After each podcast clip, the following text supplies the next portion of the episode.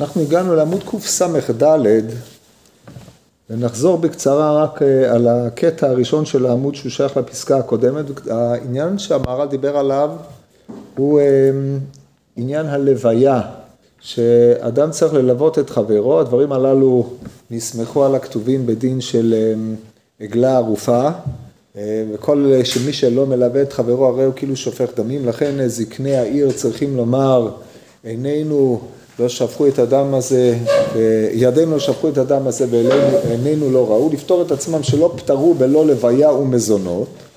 והמהר"ל אה, העריך להסביר שעניין הלוויה, כאשר אדם יוצא ממקום יישוב למקום שהוא איננו מקום יישוב, אז אה, האדם הזה מלבד הסכנה הפיזית שנמצאת בו, יש לו גם אה, סכנה עליונה, מפני שהכבוד של האדם, דהיינו הכרתו באשר הוא אדם, מאותגר במקום הזה, מה שאין כן מישהו שמלווה אותו, הוא מייחס אליו את הכבוד האנושי, אבל לא רק הכבוד הגינוני, אלא מייחס אליו את המשמעות של היותו אדם. מצד זה יש לו צלם אלוהים ולכן יש לו שמירה עליונה. אלה תמצית הדברים. בקצרה בעמוד קס"ד כותב המהר"ל כי בצלם אלוהים עשה את האדם. הרי לך כי עיקר שפיכות דם הוא בשביל שמבטל צלם אלוהים שיש לאדם. ומי שאינו מלווה את האדם ואינו נוהג בו כבוד ומניח אותו לצאת יחידי, הרי מבטל את כבוד הצלם הזה שהאדם צריך לזה בדרך. כן, כל זה הסברנו בעבר ולא נאריך בזה, אנחנו מגיעים עכשיו לפסקה חדשה שהיא פיתוח של הדברים האלה עם uh, כמה מונחים שהם uh, ממש פלאיים. לאחר מכן יש תוכחה מגולה שראוי לקרוא אותה, מכאן ואילך עובר המהר"ל לדון על אנשי סדום, שזה האנטיתזה של מידת גמילות חסדים, כן, זה, זה לקראת עד סוף הפרק ובזה הוא מסיים את הפרק, אז אנחנו נלמד אגב זה את האגדות בפרק חלק שעוסקות באנשי סדום שהן אגדות מאלפות ומעניינות. טוב, אבל לגופו של עניין נראה מה שאומר המהר"ל פה. בדיבור המתחיל והיינו והיינו דאמרינן שם כי לכל אחד יש לוויה מיוחדת לפי כבודו. זאת אומרת, מאחר שמושג הלוויה נקשר עם מושג הכבוד, כמו שקשרו המהר"ל קודם לכן, באשר מושג הכבוד הוא אה, הצלם של האדם, הוא ייצוג הצלם של האדם, בבחינת מה שנאמר למען יזמרך כבוד ולא ידום, או אורה כבודי אורה נבל בכינור, דהיינו הנפש נקראת כבוד, אז לכל אחד הלוויה מתאימה לפי כבודו. כיצד? אומרת הגמורי אמר רבי יהודה אמר רב כל המלווה את חברו בעיר ארבע אמות אינו ניזוק. רבינה אלווי לרבה ברבי צחוק ארבע אמות בעיר מת על ידי הזקה והיה ניצול. מזה הראיה. זאת אומרת המלווה את חברו ארבע אמות בעיר אינו ניזוק. ובאמת היה צריך להינזק, אלא שמחמה שהלה ליווה אותו, אז הייתה לו סייעתא דשמיא, צלם, הלך המליץ ועוד אה, מונחים שדיברנו עליהם בעבר, שהם מנעו ממנו את הנזק, מן הסתם מדובר פה בנזקי גויים, כן, אה, גויים או אנשים מזיקים, הם נקראים המזיקים, מסתובבים ומחפשים להתענות לבר ישראל, זה ודאי בימיהם. בבבל. טוב, עכשיו הגמרא מביאה ברייתא שמורה שהליווי לפי כבודו של האדם. תנו רבונון, הרב, היינו הרב מלווה את תלמידו עד עיבורה של עיר. חבר לחבר עד תחום שבת. תלמיד לרב אין לו שיעור, אלא שאין לו שיעור, גם לזה יש שיעור. זאת אומרת, אין לו שיעור בתוך העיר, או גם עד תחום שבת, כי תחום שבת תוחם את העיר. יש לנו בעצם שני תחומים, יש, יש את גבולות העיר, יש אחר כך את עיבורה של עיר, שזה 70 אמה ושיריים כמובן בעירובין, ויש לנו אחר כך את תחום העיר אלף אמה ועוד אה, אלפיים או אלפיים אמה, שאלף מתוכם אה, מגרש ואלף מתוכם פרדסים. אז עד אלפיים אמה מחוץ לעיר צריך חבר ללוות את החבר. תלמיד ללוות את רבו, אין לדבר הזה שיעור, הכוונה אין לו שיעור ביחס לעיר, אלא שהדבר הזה לא יימשך עד אינסוף, כי אם רבו בא מחוץ לארץ, הוא לא ילך איתו לחוץ לארץ, זה, יש גבול. אז על זה שואלת הגמורי עד כמה, אומרת הגמורי, אמר רב ששת עד פרסה, פרסה זה אמ, ארבע מיל, אומרת הגמרא ולא אמרן אלא ברבו שאינו מובהק, רבו מובהק עד שלוש פרסאות, בין שלוש פרסאות כמחנה ישראל, זה שיעור הלוויה, כמו שיש לנו בגדרי עירובין, שיש לנו אלפיים אמה, שזה תחום העירוב דרבונון, אבל לשיעור המחבר אומר הירושלמי, שהובא בריף בסוף פרק כ"א במסכת עירובין, שאין תחום יותר מחובר מאשר י"ב מיל, כי זה שיעור מחנה ישראל, והוא הדין לגבי הוראה, אדם אסור לו להורות במקום רבו, כמו שאומרת הגמורה בעירובין בס"ג, עד כמה? עד שלוש פרסאות, שלוש פרסאות זה תחום, מחוץ לזה זה כבר מחנה אחר. אשר על כן זה ההשתייכות שאתה מלווה את הרב כאשר הוא יוצא מהמחנה שלך עד י"ב מיל, כל הדבר הזה הוא לפום כבודו של האדם, כן, כבוד ביחס למלווה כמובן. וכל זה יש לו, כל זה כי יש לנהוג כבוד באדם שהוא בצלם אלוהים, ודרך שהולך עליו כפי מה שראוי, ואז הוא ניצול. זאת אומרת הלוויה היא אחת מתכונות הגמילות חסדים היותר גדולות, זה לא שאתה מלווה אותו מפאת כבודו בלבד, אלא בעצם העובדה שאתה מלווה אותו, אתה גומל איתו חסדים מפני שאתה מעניק לו השגחה ושמירה עליונה, הדבר הזה הוא פלאי פלאים. זאת הנקודה שממנה יצא המהר"ל לחידוש נשגב ביותר בביאור אה, אה, אי אלו כתובים במסכת, אה, כתובים בפרשת שופטים והגמרא שמה במ"ו עמוד ב' בסוטה. אבל תשימו לב, הנקודה המרכזית כשאני מלווה מישהו זה לא מפני שהוא היה אורח שלי ואני רוצה להיטיב עמו בלבד או מפאת הנימוס, אלא אני עושה פה דבר נחוץ ועד כדי כך הוא נחוץ ו- וכמובן המושג לוויה הזה הוא במקום שאדם יוצא מן היישוב, כבר דיברנו על זה קודם כי זה בעצם נקודת המוצא של כל הפלפול פה.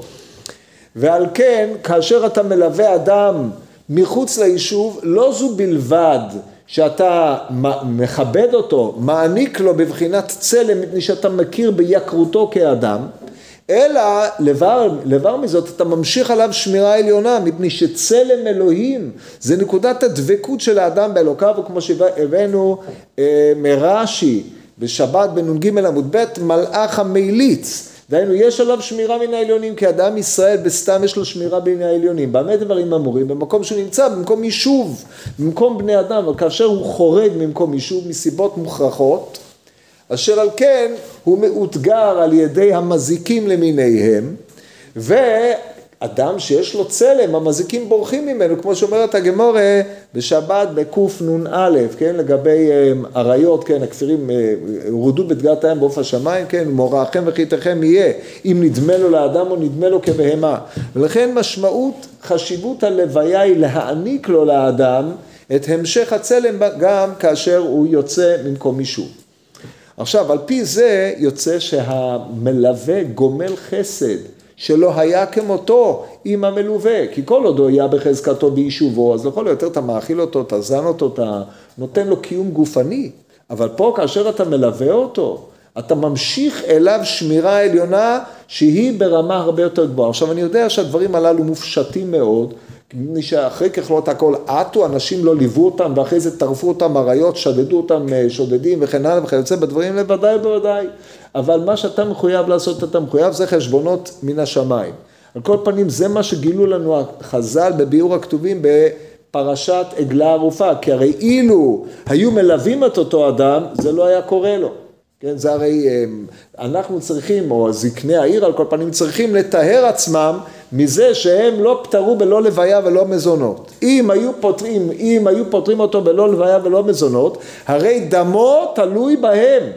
היי תגידו, אבל אנחנו ליווינו אותו והוא מת, איך זה יכול להיות? הרי אם ליווינו אותו היה לו צלם אלוהים וכל הדרוש, נכי נמי זה כבר לא תלוי בך, אתה את מה שאתה חייב לעשות, אתה חייב לעשות, כמו כל דבר ודבר שאומרים, כל אומר, אה, אדם שיעשה כך וכך, יהיה, יהיה לו כך וכך.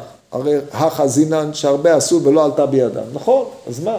זה שלא עלתה בידם, שיש גם מרכיבים אחרים במציאות, יש חשבונות אחרים שהם לא תלויים בך, המציאות לא גלויה לפניך, אין מה שקרוי שקיפות. הקדוש ברוך הוא לא חייב לגלות לך כל מה שהוא עושה. לנביאים נאמר כי לא יעשה השם אלוהים דבר כי אם גלה סודו אל עבדיו הנביאים. מי שנביא, לחינם יכול לבוא בטענות, הרי והשם לא אמר לי, כך אומר אלישע. מה חיטאתי שיאמר? שכתוב בפסוק בעמוס, השם לא, לא יעשה דבר כי אם גלה סודו אל עבדיו הנביאים, וגם זה בעירבון מוגבל. לאדם מן היישוב סתם, גם אם יהיה חכם ככל שיהיה, עד שלא זכה למדרגת הנבואה, לדבקות אלוקית במדרגות היותר עליונות, מה יכול לעשות? הוא יודע את כל החשבונות האלוקיים, אף על פי כן זה לא פוטר אותו ממה שהוא מחויב לעשות. זה נקודת ההסתכלות. עכשיו, אילו היה עולם אידיאלי ואתה מלווה אותו ומעניק לו צלם והוא אדם ראוי ועוד כל התארים מתקשרים אליו, אז במקרה כזה כאשר הוא יוצא מחמת הצלם השלם שיש לו, אף אחד לא נוגע בו. אבל אם אתה לא מלווה אותו, אז יש פגם בצלם שלו, פגם באדם שבאדם. אדם שיש לו צלם זה זיע רעילה לפי שיטת המהר"ל. זיע רעילה זה האור העליון המנכיח עליו, זה האדם. אלא שאנחנו הנמכנו את שיעור קומתו של האדם ועשינו אותו כבהמה מהלכת על שתיים, כן? עם תסביך פסיכולוגי ועוד סדרת אה, כל מיני אה, עניינים האלה, ככה אנחנו רואים את האדם. יצור שפל, כן, קרוץ חומר, ילוד אישה, היום כאן ומחר בקבע וגם בהיותו כאן אה, כלי מלא בושה וכלימה וכיוצא בכל המושגים האלה, אבל נקודת המוצא של המהר"ל היא נקודת המוצא שהרחיב עליה סבא מסלבודקה בעת פרי העץ או בספר שלו, לא זוכר, ועוד בדרושי הסבא מסלבודקה, על גדלות האדם, או האדם הוא ענק, כתוב בגמרא, במסכת, אה, בסנהדרין, בל"ט, אדם, כתוב, למיון ברו אלוהים אדם על הארץ ומקצה השמיים עד קצה השמיים.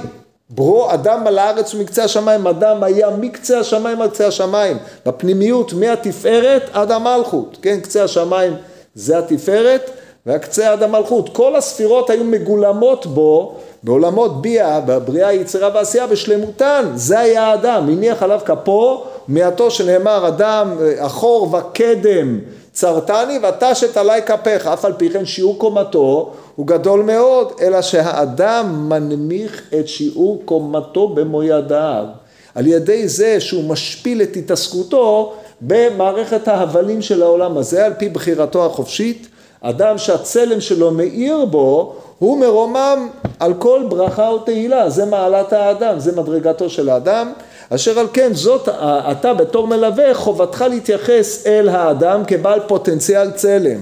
אם הוא בחר להעניק את עצמו כבהמות ונדמה להם כבהמה, כמו שאומר רמי בר חמא שם בשבת בק"ב, כפירים שואגים לטרף לבקש מאל אוכלם וטרפו אותו, מה יעשה? הוא נראה כמו בהמה, כי כל מה שמעניין אותו זה בהמיות. אז ככה במדרגה הזאת הוא חי.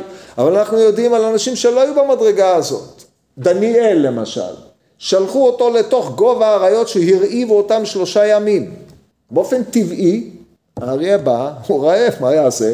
הוא רואה בשר לפניו, זה שיש בו גם אה, רוח, נפש וכל זה, זה לא מעניין אותו. זה בשר, אז הוא טורף אותו. אז כתוב שלח מלאך וסגר פום אריה מה המלאך שהוא שלח? איזה מלאך?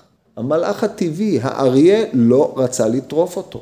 הוא ראה בו אדם, אז הוא לא טרף, שכתוב בתורה במפורש, וירדו בדגת הים, ליקקו לו את הרגליים, ושוב מייסה במעשיות על רב חיים אבן עטר, כן, האור החיים הקדוש, גם הוא היה לו אותו סיפור, ככה בסיפורי מעשיות, כן?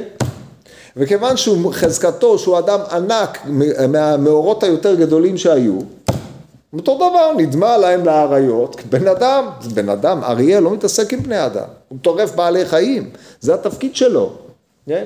אבל כאשר אלה שהלשינו על דניאל הכניסו אותם לתוך הבור, עוד לא הגיעו לקרקע וטרפו אותם, שברו אותה, את העצמות שלהם. אריות רעבים, לא יטרפו. אשר על כן, פה הנקודה העומדת ביסודם של דברים, זה לא שעשו לדניאל נס, זה לא היה נס.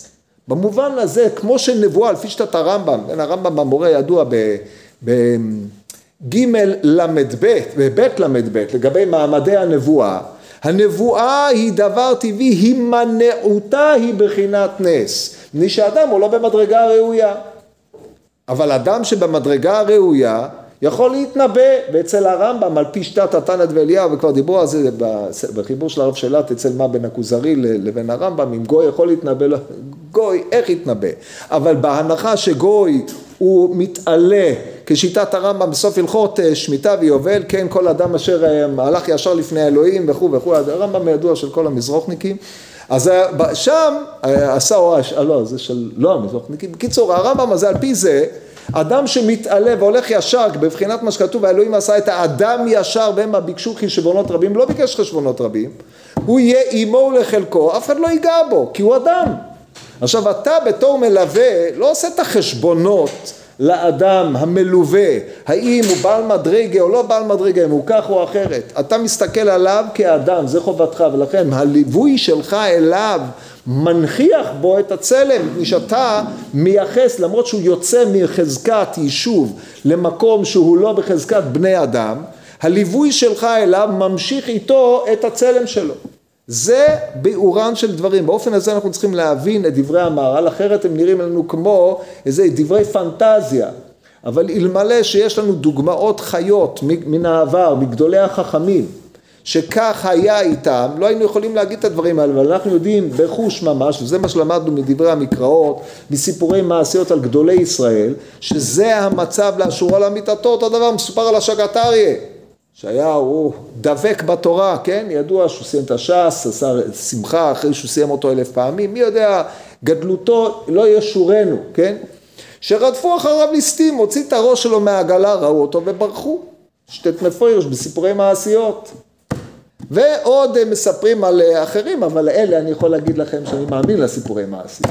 טוב, עכשיו נתקדם בדברי המהר"ל.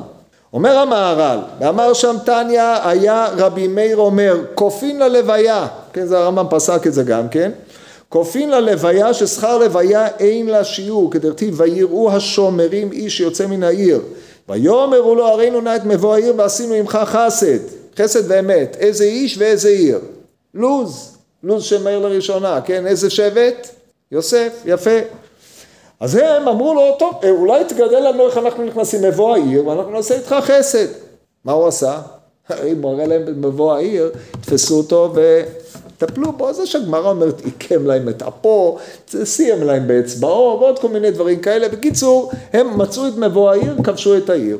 אומר, אומר המהר"ל וכתיב וירם את מבוא העיר ומה החסד עשו עמו שכל אותה העיר הרגו לפי חרב ואת האיש ואת משפחתו שילך שנאמר וילך האיש ארץ החיטים ויבן עיר ויקרא שמה לוז. המהר"ל לא מביא את המשך הגמרא. אתם יודעים מה כתוב בהמשך הגמרא? איזה דברים נפלאים יש על העיר הזאת. נקרא לכם. אבל זה המהר"ל לא מפרש, אז אנחנו פטורים מלפרש, אבל אנחנו לא פטורים, זאת אומרת בשלב זה, אבל אנחנו לא פטורים מלדעת את מעלתו של אה, אותו, את מעלת הלוויה הזאת. אז תשמעו מה אומרת הגמורה על זה.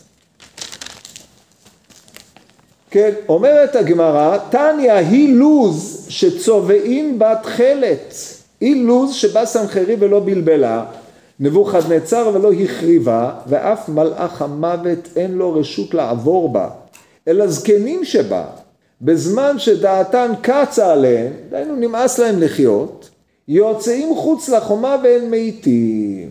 והלא הדברים קל וחוי אומר, ומה כנעני זה שלא דיבר בפיו ולא הלך ברגליו, גרם הצלה לו ולזרעו עד סוף כל הדורות, מי שעשה לוויה ברגליו על אחת כמה וכמה. במהרה להם חזקי אמר בפיו יקם להם, רבי יוחנן אמר באצבעו הרע להם. טוב, אז יש עוד אילו דיונים, מדהים, כן? אין עיר כזאת.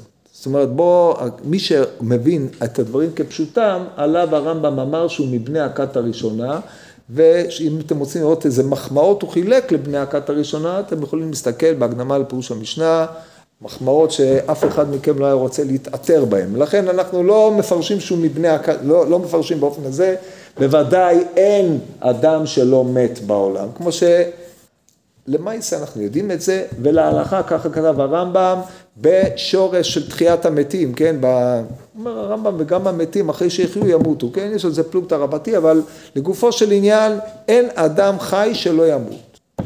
את, אה, אה, תרצו בעטיו של נחש, לא משנה, זה העובדה, ולכן אה, די ברור שמדובר פה על איזשהו עניין פנטסטי, עיר מופלגת ביותר, שכל עניינם של חז"ל זה לומר, אדם שהביא אפשרות לבני יוסף להשתלט על העיר בית אל ולהעמיד את קניינם בארץ, זכה למעלה יתרה, והזכות הזאת עומדת לו לדורות. איך היא עומדת אנחנו לא יודעים לפרש בשלב זה. טוב, עכשיו נראה מה אומר המהר"ל על uh, משמעותם של הדברים. כי הלוויה הזאת גורם לו לאדם שמירה עליונה מן השם יתברך. דהיינו למלווה זה גורם שמירה עליונה מן השם יתברך, כבר הסברנו את המשכת הדברים. למעשה זה ממשיך עליו את הצלם. מתי האדם צריך שמירה?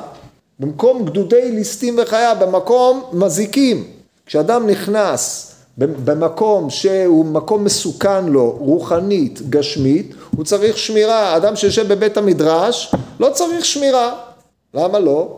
כי התורה מגנה ומצלה. אדם שעוסק במצוות לא צריך שמירה למקום שיש היזק מוחזק אה, יש מוחזק ההיזק, כמו שאומרת הגמורה בפסחים ח' איך אלך ושמע שאול והרגל, אני שואל את הגמורה, בדבר מצווה היה עוסק, על מי זה? שמואל. אומרת הגמרא, מקום דשכיח היזק עשני. אתה הולך לבית לחם כשהמלך מחפש את כל מי שהולך לחפש את, את אה, דוד המלך, מכניס את עצמך לגובה האריות. אז לכן צריך שמירה. אבל בעלמא לא צריך. אדם שמור מטבעו באשר הוא נמצא נוהג בדרך הישר, אבל ברגע שאדם חורג ממקום יישוב או פורס לים או נכנס, הולך למדבר, כן, כמו שכתוב ארבע חייבים להודות, אז הוא בגדר חייב. הגומל לחייבים טובות הוא בגדר חייב ולכן בוודאי ובוודאי צריך שמירה ולכן המלווה אותו בהקשר דנן הוא זה שממשיך לו שמירה עליונה על פי מה שנתבאר לאל. אומר המהר"ל שאדם הוא יחידי וצריך אל שמירה מלמעלה ועל ידי שהוא מלווה אותו נכנס בשמיר, בשמירה עליונה ומתדבק למעלה עד שמגיע השמירה אל השם יתברך ואין קץ וסוף לשמירה זו. מי נכנס ומתדבק ואין קץ וסוף? על מי הוא מדבר? יש לנו תמיד שניים. המלווה וזה שמלווים אותו. זה שמלווים אותו צריך שמירה, אז הוא גורם לו שמירה עליונה. אבל זה שמלווה, המהר"ל אומר, תראו איזה מדרגה יש לו. הרי הוא ממשיך צלם למי שאין לו צלם. אתם מבינים את עומק משמעות המשכת הצלם למי שאין לו צלם? אנחנו רואים, טוב, הלכתי איתו, דיברתי איתו כמה דברי תורה, קושייה פה, תירוץ שם. אבל בעצם העובדה שאתה הולך עם אדם למקום שמפקיע ממנו חזקת הזי הרעילה שלו, מדרגת האדם השלם, האפשרות למדרגת האדם השלם, ואתה ממשיך את האפשרות הזאת שמכאן ואילך הכל תלוי בו, אם הוא ירצה לממש אותה כן, כן, לא, לא, אבל אתה מבחינתך אפשרת לו את זה, אומר על זה המהר"ל ועל ידי שהוא מלווה אותו נכנס, דהיינו נכנס המלווה בשמירה עליונה ומתדבק למעלה עד שמגיע השמירה לשם יתברך ואין קץ וסוף לשמירה זו, זאת אומרת המלווה עצמו מגיע למדרגה של המשכת הצלם אל האדם ההוא. לא שהוא מסלק, לא מונע את סילוק הצלם אלא הוא מנכיח, נותן בו כבוד. ולכן מדרגתו היא מדרגה עליונה ביותר, הוא זוכה למדרגה עליונה של שמירה. עכשיו האם הדבר הזה ייתן אותותיו שמכאן ואילך הוא לא ימות, או אם הוא ילך ויפתח עיר חדשה, העיר הזאת תצליח כמו העיר לוז, או כל מעשיו שהוא יעשה יהיו מבורכים, התשובה היא לא. מפני שזה שאדם זוכה לשמירה עליונה מן השם יתברך אחרי שעשה מעשה טוב, או אדם שעשה חסדים, עשה מה שהבטיחו לו, כן, עלה, אה, שילח את העץ וקיים מצווה, שילח את הקן וקיים מצוות כיבוד הורים, אף על פי כן, שכר מצווה בעיה על מלאיקה, אבל טוב, מה שעשה האדם, שכרו של האדם באשר הוא דבק במדרגה העליונה הזאת שנקראת שמירה עליונה, היא שכרו של האדם. לכן אנחנו מתבטאים פה במונח שכר, מפני שהביטוי המעשי של הדברים האלה לא בהכרח קיים בעולם, על יסוד הגדול שייסדו שכר מצווה באי עלמא ליקה. אבל פה הוא רוצה להמחיש עד כמה יש בזה בחינת גמילות חסדים. עכשיו שוב, אני חוזר ואומר, מאחר שאצלנו הדברים הללו נראים רחוקים מאוד, כי אנחנו לא מבינים מה זה ללוות מישהו. רוב המקומות שאנשים הולכים הם מקומות, מקומות יישוב, וכשאנשים הולכים למקומות שהם לא מקומות יישוב הם בדרך כלל טעונים אשפוז פסיכיאטרי או דברים מעין אלא אם כן הם אנוסים לעשות את זה, אבל אדם שהולך לטפס על האברסט או על המונט בלאן או כל מיני דברים כאלה, או לעשות כל מיני פעילויות של קפיצה ממטוס או דברים מעין אלה, אם זה לא לצורך משמעותי ביותר, אז הוא מכניס את עצמו סיכון רב, אז אתה תלך תלווה אותו, זה לא יעזור לו, כן? רק כאשר יש הכרח לדברים האלה, אז זה קיים, והיום אה, זה פחות מצוי, לכן כל צורת החשיבה שלנו לא עובדת באופנים האלה. כאשר ישראל נמצאים בין האומות, או כאשר אתה יוצא למלחמה, אז יש לך דברים שאתה אומר שהם שמירה על האדם, או כאשר אתה הולך במקום אה, אויבים, אתה נניח מרגל ואתה צריך ללכת לתפוס איזה מישהו נכנס לתוך איזה כפר ערבי, לשלוף משם איזה מחבל, אתה צריך שמירה עליונה, כי אתה נמצא במקום גדודי חיה וליסטים, כפשוטו ממש. ולכן אתה צריך שמירה עליונה. זה המצבים שבו אתה הולך לעשות, אתה אומר אתה הולך בשליחות של עם ישראל וכולי וכולי, אבל אף על פי כן, המקום הוא מקום שזוקק את, ה, את אותה שמירה. כן, ממשיך המהר"ל ואומר לפיכך אמר שאין קץ אל שכר הלוויה, שכשם שעל ידי הלוויה גורם אליו שייכנס האדם תחת שמירת השם יתברך, אשר הוא גבוה על גבוה והוא שומר אותו עד אין קץ וסוף, כך לשכר שלא אין קץ וסוף. זאת אומרת, על ידי זה שאתה מלווה אותו אתה גורם לו ופה חוזר אל המלווה, זה שמלווים אותו, אשר הוא גבוה מעל גבוה, כאילו אתה מביא שהקדוש ברוך הוא שומר אותו, כי השמירה שלו היא איננה שמירת כל האדם, דהיינו האדם היוצא הוא איננו במצב של כל אדם, כי כל אדם הוא נשמר מחמת שהוא נמצא בחברת כל בני אדם, והשמירה הזאת היא השמירה הטבעית, מה שקרוי ההשגחה הכללית, אבל כאשר הלך חורג מן המסגרת הזאת הוא צריך איזושהי השגחה פרטית, שמירה עליונה המיוחסת לצלמו של אותו אדם. אז כשם שעל ידי הלוויה גורם אליו שייכנס האדם, דהיינו המלווה, המלווה תחת שמירת השם יתברך, אשר הוא גבוה על גבוה והוא שומר אותו עד אין קץ וסוף, כן, המשמעות הוא שומר אותו עד אין קץ וסוף, זאת אומרת השמירה של בחינת הצלם שלו היא השמירה היותר עליונה, כן, למרות שליוו את אותו אדם ורצחו אותו אחר כך, כמו שאתם רואים, אז לכן עד אין קץ וסוף הביטוי הוא רק בגובה רמות העולמות ולא ברמה הפרקטית, אז לכן לשכר שלו גם כן אין קץ וסוף, ודבר זה מופלג ועמוק בחוכמה מאוד מאוד, כי החסד שעושה בעל הלוויה, מתעלה החסד הזה בימינו של הקדוש ברוך הוא, כן? למה ימין? כי ימין היא מידת חסדו, זאת אומרת זה מתעלה בהנהגת הימין של הקדוש ברוך הוא שהיא הנהגת החסד כי אתה ממשיך את ימינו של הקדוש ברוך הוא שהיא באה ממקום גבוה מאוד לשמירה על אותו אדם אשר שם השמירה ועל ההוויה וזה מתעלה עד, עד אין קץ וסוף זאת אומרת אין קץ וסוף זה פורץ את הגבולות של העולם, העולם החוקי עולם שהקץ והסוף זה החוק החוק שם גבול מידת החסד אין לה קץ וסוף. כל שאר ההנהגות, בהנהגות העולם שבמידת המלכות, הם יש להם קץ וסוף, זה החוק, שם ואל יעבור, כן? כל, לכל דבר יש חוקים. אבל כאשר הוא חורג מן המקום, ואף על פי כן אתה ממשיך, מסייע להמשכת אותה אה, בחינה של כבוד, אותו בחינה של צלם, זה בחינה שנקראת אין קץ וסוף, אין קץ וסוף כמובן זה מידת החסד. ואם אין מלווה אותו כאילו שופך דמים, דבר זה יתבהר למעלה, מפני כך כופין על הלוויה שאין ראוי להניח את האדם יחידי, שהוא כאילו שופך דמים, ודבר זה מבואר. אז עד כאן סיים המהר"ל פחות או יותר עם כל ענייני גמילות החסדים. מכאן נפתח בתוכחה מגולה לאנשים שמעמידים את הכל על מידת הדין. תוכחה נוראית. צריך להיות, לשים לב לדברים האלה. מצד אחד, אדם אסור להיות ותרן בדברים שהם מהותיים ביותר, אבל מצד שני אדם צריך להיות בעל חסדים. אדם צריך לוותר מממונו לאחרים. אדם צריך לוותר, לוותר על אה, הרבה מהדברים שלו, אבל בדברים שהם מהותיים, דהיינו במקום שיש פגיעה בכבוד התורה, במקום שיש פגיעה בכבודו של האדם וכיוצא בדברים האלה, שם אתה צריך להעמיד את הדברים כהווייתם, להיות קנאי לדברים מסוימים, אבל בטבע האדם הוא צריך לסגל לעצמו את הוותרנות. עכשיו, אדם שהוא אדם דייקן, שהכל צריך להסתדר אצלו לפי מערכת החוק, שצורת החשיבה שלו היא מסודרת, רציונלית, וכל דבר צריך להיכנס לתוך איזושהי מסגרת, הוא חייב לפעול בנפשו, במידותיו, יש בזה כמובן יתרון, אבל זה מביא אותו לידי עבודה מידותית לא מבוטלת, שההתנהגות שלו כלפי האחר לא תהיה כצורת החשיבה שלו, כן? מתמטיקאים למשל, הם אה, צריכים לעבוד על הדבר הזה שהנפש שלהם לא תתנהג כמו שהשכל שלהם מתנהג, ודי לחכימה בזה. הלאה, עכשיו הוא אומר ככה, הפך המידה הזאת, אשר אינו רוצה לעשות שום טוב עם אחר. הוא לא עושה שום טוב. או שאתה משלם או שאתה לא מקבל.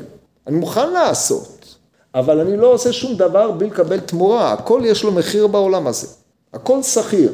כן? גם הטובות שאני עושה הן לא טובות, הן בעצם תמורה. כן, יש אה, הטוענים, למשל בספר חובת הלבבות בשאר עבודת האלוקים, טוען הרב שמה שהעמדה הטבעית של האדם היא עמדת הסוחר. מה יצא לי מזה? מה יצא?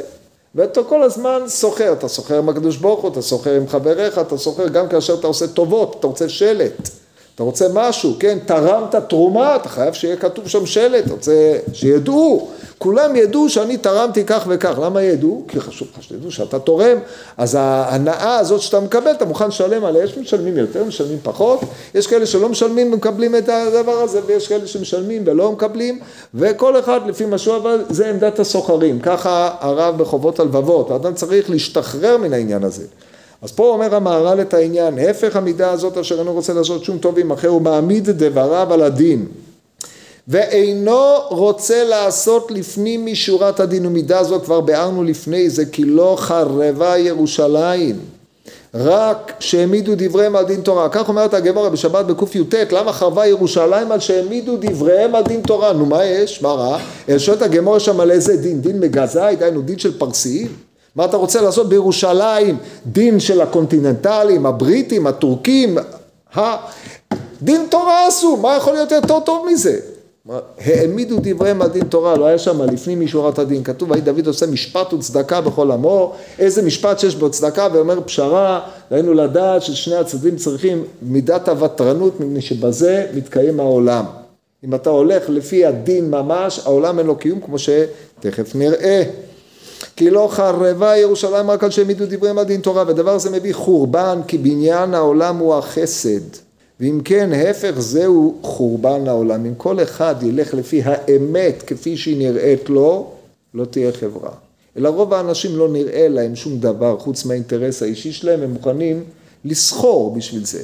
אבל כאשר אתה פוגש שני אנשים עם פרינציפים, דהיינו המחזיקים באידיאלים ופרינציפים, יש מלחמות. לכן צריך מידת החסד, דהיינו שיש עניין של גבוה מעל גבוה שאומר אתה לא מחפש את האינטרס שלך, אתה מחפש את הטוב המשותף. וזה מידת החסד, זה מה שנותן לעולם את קיומו, כמו שתכף נראה. שכך אמרו במדרש, ביום עשות השם אלוקים ארץ ושמיים. פעם ראשונה מופיע השם, הצירוף השם אלוקים. עד עכשיו דיברנו בל"ב נתיבות אלוקים. פה אלה תולדות השמיים והארץ בהיברעם ביום עשות השם אלוקים ארץ ושמיים. שיתף מידת הרחמים עם מידת הדין. למה? ראה הקדוש ברוך הוא שאין התחתונים יכולים לעמוד בדין, לכך שיתף הקדוש ברוך הוא מידת הרחמים ממידת הדין. דהיינו, אם הקדוש ברוך הוא היה נוהג עם העולם במידת הדין, עשית מגיע לך, לא עברת, תיענש, אף אחד לא יכול לעמוד. כן? הן בקדושיו לא יאמין ובמלאכיו ישים תהלה, אף כי... כל הדברים שאנחנו אומרים ביום הכיפורים. ולכן הקדוש ברוך הוא כדי להנהיג את עולמו, כדי שלעולמו יהיה המשך, מלבד החוקיות שהוא טבע בעולם, הוא היה חייב לתבוע בעולם גם הנהגה שהיא הנהגת החסד. במה הדברים הללו באים לידי ביטוי? הם באים לידי ביטוי הרבה פעמים בחוקיות. יש חריגות מן החוקיות. הקדוש ברוך הוא עושה ניסים לבני אדם, הוא עושה ניסים לעם ישראל כדי שעם ישראל יוכל לעמוד. הרי בוא תראה כבשה בין שבעים זאבים, אין דבר כזה, תשים שבעים כבשות בין זאב אחד ולא יישארו, כבשה בין שבעים זאבים, איך איתי? זה קיום ניסי, כדי שהעולם יוכל לעמוד, שהרי קיומו של העולם תלוי כל כולו בקיומם של ישראל על הפסוק אם לא בריתי יומם והלילה חוקות שמיים וארץ לא שמתי לפי דרשת חכמים בראשית בשביל ישראל שנקראו ראשית. כל הדברים הללו הם הלכות קדומות שמניח הרב המחבר פה ואנחנו מאמינים בהם כן זאת אמונתנו שעם ישראל הוא ממלכת כהנים וגוי קדוש אמור להביא את העולם אל תעודתו ואל אה, מצבו היותר שלם אשר על כן קיומו של עם ישראל הוא בעצם קיומו של העולם. ולכן קיומו של עם ישראל אם אלמלא העולם היה נתון להנהגה חוקית, לא היה יכול להתקיים. די לכם במה שקרה לפני שבעים ומשהו שנה, אין הסבר לתופעה הזאת, איך עם ישראל אחרי שבעים שנה מהשמד שלא היה לשום אומה בעולם, לא היה דבר כזה, אין הסבר הוא השתקם. הסתכלו על העולם עצמו. מלחמת העולם השנייה הייתה המלחמה הקטלנית ביותר שהייתה אי פעם בכל תולדות האנושות. ההתאוששות של אירופה לצורך העניין ממלחמת העולם הראשונה הייתה עלובה ביותר כי היא נפלה לתוך מלחמה נוספת. ההתאוששות של אירופה ממלחמת העולם השנייה היא פלאי, היא פלאית, כן? עשרים שנה אחרי, כן, ב-1960, 70, אירופה נמצאת במצב שונה לחלוטין מאיפה שהייתה.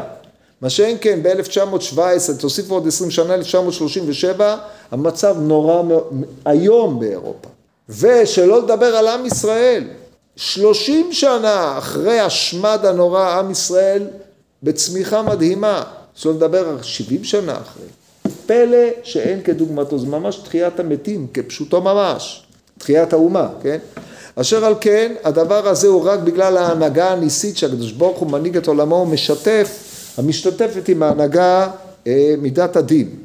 זה מה שאומר המהר"ל, מאחר שאין התחתונים יכולים לעמוד בדין, ואדם צריך לילך בדרכיו של מקום, המעמיד דבריו על הדין, דבר זה חורבן. אז אם אתה מעמיד את דבריך על הדין, אז אתה בעצם מחריב עולם, מפני שאתה משקף בתור איש ישראל את האופן שבו הקדוש ברוך הוא צריך להנהיג את עולמו. מהו רחום אף אתה ירחום, מהו חנון אף אתה יהיה חנון. זה חובתך, וזה האופן שבו אתה מנכיח את ההנהגה האלוקית. ובמדרש ולא זכו בני ישראל את השם, ולמה? של... ולמה? שלא עשו חסד עם בית ירובעל, כן, מה עשו? נתנו לה... לאבימלך להרוג את כל, ה... כל בית אה, ירובעל. כאילו, אה, הווי כל מי שעושה חסד כאילו מודה בכל הניסים שעשה הקדוש ברוך הוא מיום שיעצו ישראל ממצרים וכל מי שאינו עושה חסד כאילו כופר וכולי עד כאן ופירוש זה כי מי שעושה חסד הוא מודה בכל הניסים וזה כי לפי מידת הדין אין ראוי שיעשה הקדוש ברוך הוא שינוי בעולם כי השם יתברך ברא את העולם שיהיה נוהג כפי מנהגו, כך הוא לפי הדין. עולם כמנהגו נוהג, הוא חקק בו מערכת חוקים, שלח אותו. אבל אם זה היה ככה, המין האנושי לא היה יכול, היה מכלה את עצמו. לא הבעלי חיים כל זה, המין האנושי היה מכלה את עצמו. לעוצם טיפשות בני האדם, אלמלא החסד האלוקי עם האדם, הוא היה מכלה את עצמו, דייכם במבול, דור הפלגה ועוד. אשר על כן, מה עשה, הם, הם, וכך לפי מידת הדין. אז לכן הקדוש ברוך הוא שיתף עם זה מידת הרחמים, ומי שעושה חסד שאינו ראוי להיות העולם נוהג על פי דין, רק שיש לעשות חסד לפנים משורת הדין, וזה מודה בכל הניסים שעשה השם יתברך אותם. כשיצאו ממצרים שהכל עשה מצד החסד, כמו שסידר דוד במזמור הודו, שמספר כל הניסים לעושה נפלאות גדולות לבדו, כאילו עולם חסדו, לגוזר המסור, לגזרים וכל המזמור הוא שמספר הניסים שעשה השם יתברך במצרים. היי, תגידו, אולי זה דווקא מצרים, מצ... ניסי מצרים, אומר המהר"ל, לא. ודע כי דווקא הניסים שעשה במצרים, דווקא אותם הוא מזכיר, לפי שנעשו בכל העולם, שהרי קריעת ים סוף הוא נעשה בכל העולם, שהרי נבקעו כל מימות שבעולם, כמו שביארנו במקומו. וכן כל ניסים שעשה השם יתברך עשה בכל מצרים, וכמו זה הוא יוצא מן הדין לגמרי. לכך מי שעושה חסד, אם כן הרי הוא אומר כי ראוי שייעשה לפנים משורת הדין. בצד הזה נעשו כל הניסים שהיו במצרים, אבל מי שאינו עושה כאילו אמר שאין ראוי לצאת מן הדין והמשפט. זאת אומרת, האופן שבו אתה מתנהג, פה חל עליך החוק של איזה פילוסוף שאמר האופן שבו אתה מתנהג, אבל צריך להיות כלל שיחזור עליך, למרות שכבר אה, צעקו עליו הרבה, המלבים ציטט אותו בפרשת קדושים, כן, ואהבת את רעך כמוך, אתם יכולים לראות את זה. מכל מקום הטענה היא שהאופן שבו אתה מתנהג, אתה מצפה שכך כל העולם מתנהג, אבל ככה יתנהגו איתך. אבל אם זה כך, אתה לא נכנס לפנים משורת הדין, איך אתה יכול לצפות לניסים? והרי אלמלא ניסים לא היית פה. אז אתה חי בסתירה, או אתה בעצם צבוע. ורק שאומר כי הכל יהיה בדין ואין ראוי לצאת מן הדבר שנותן הדין אדם זה בוודאי כופר בכל הניסים. שעשה השם יתברך במצרים שאם אין החסד לא היו נעשים ניסים וזה מבואר. כמה גדול חטאו מי שמעמיד כל דבריו על הדין עד שבסוף בא לידי כמה דברים. זאת אומרת לא זו בלבד שזה מבטא איזושהי קונספציה מוטעית על האופן שבו הקדוש ברוך הוא מנהיג את עולמו, אלא האדם עצמו שחושב שהוא חי לפי שורת הדין, מה שמגיע לי אני לוקח, מה שלא מגיע לי אני לא נוגע בו וכולי וכולי, סופו שמתגלגל לכל העבירות כפי שנראה. כי מי, כפי שנראה, טוב, למה? כי מי שאינו רוצה לוותר בשום דבר והוא בא לדקדק כל כך עד שהוא בא לגזל ולחמאס גמור כי מתחילה מדקדק שאינו רוצה לוותר בסוף כאשר יראה שום דבר שיש לו שום צד שהוא שלו הוא לוקח אותו בכוח כאשר הורגל בזה בא לידי חמאס גמור כמו שתראה באנשי סדום שהייתה מידתם שלא לוותר שכך אמרו רבותינו זה על שלי שלי ושלך שלך זהו מידת סדום ובכל מקום אומרים כופין על מידת סדום טוב וכולי כל ההמשך זה נראה בעזרת השם בשבוע הבא